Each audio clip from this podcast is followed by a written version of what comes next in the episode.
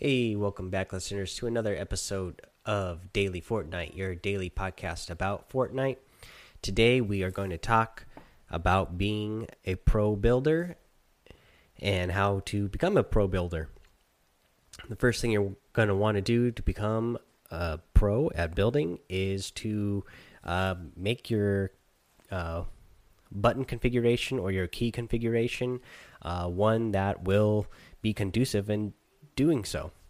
And the way to do this is if you are playing on console uh, or playing with a controller, even on the uh, PC, uh, they recently came out with a um, Builder Pro uh, configuration.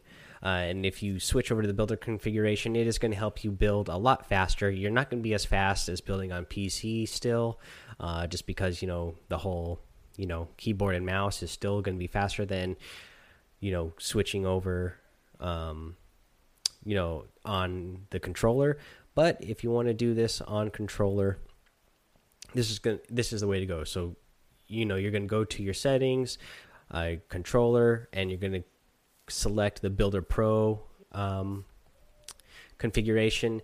And on L2 is going to be your stairs uh, L1 well let's see here. So if you're on uh, PlayStation, it's going to be L2 is your stairs, LT if it's Xbox, um, L1 for your roof, or LB for roof if you're on Xbox. If you're on PlayStation, it's R2 for your wall, RT for Xbox, and then your floor is R1 on P on PS4 or RB on Xbox and that's going to be configuration.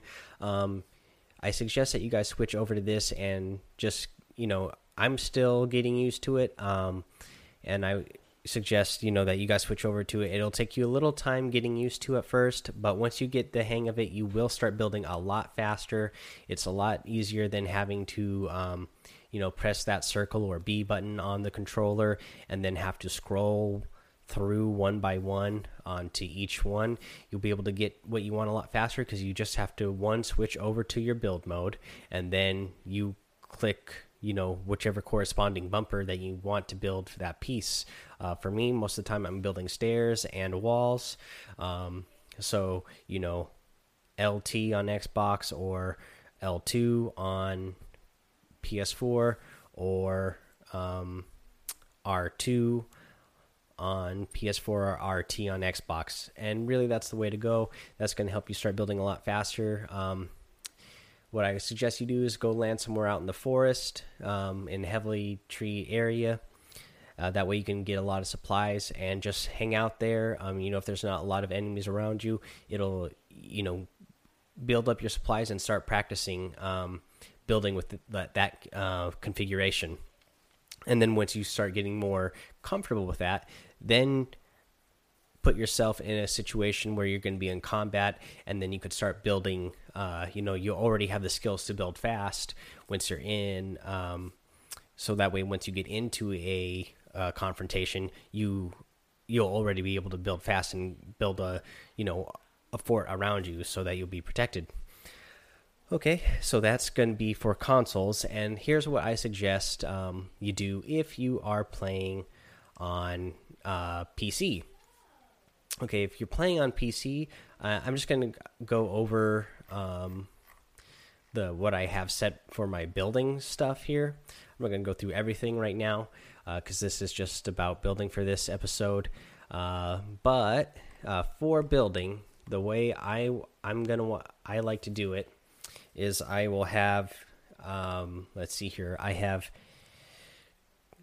uh, you know I'm still going to have my regular WASD for my moving. I'm going to use F for my stairs. I'm going to use uh, C for my wall. And that's your two most important ones. Like I said those are the two things I build most of the time.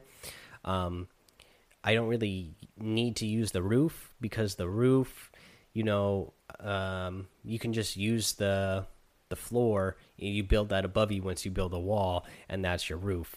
So really, all you really need to do is have F set to your stairs. You have C uh, set to the wall. I do Um, I do have Z set to um, uh, the floor. That way you can um, build the uh, the floor again above you for the ceiling if you need to. But again, uh, F and C are the most important ones. F being your stairs, uh, C being your wall. And with this configuration, you don't ever have to reach very far. You're just going one key over uh, for each of the buildings. Again, um, for the roof, I still have that set to F4 because I never actually used that roof piece. Uh, but for the other three pieces, I only have to move um, either my index finger one play one placement over to reach the F or the C, or I use my ring finger to reach to the Z uh, to get that floor piece uh, if needed. Um, and again, that's going to help you build a lot faster once you get used to it because you'll be able to reach the buttons a lot faster rather than having to reach up somewhere else onto the keyboard in another area.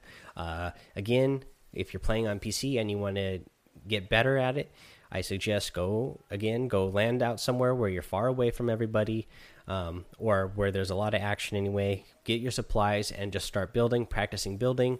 Uh, that way you can get fast at it.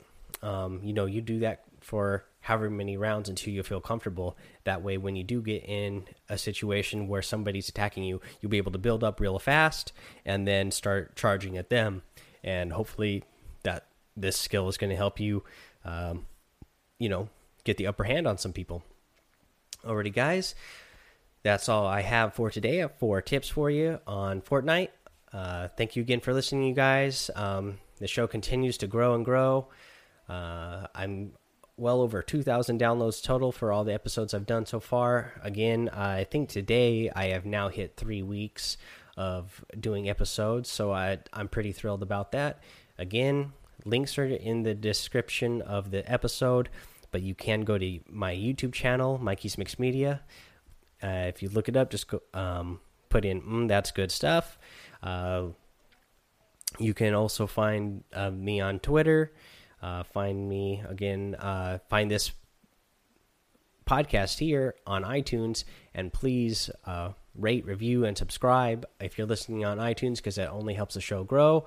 Uh, a lot of you must be doing that already. Um, not the subscribing part, but you know, at least listening and downloading because I'm seeing that, and you guys must be at least sharing it with your friends. Uh, but again, it would really help me out if you actually hit that subscribe button. Uh, that way, you get the episodes automatically downloaded to your podcast feed daily. It helps the show grow, helps get up in the ratings so we can get the show noticed by more people. Uh, thank you again, guys. Have fun, be safe, and don't get lost in the storm.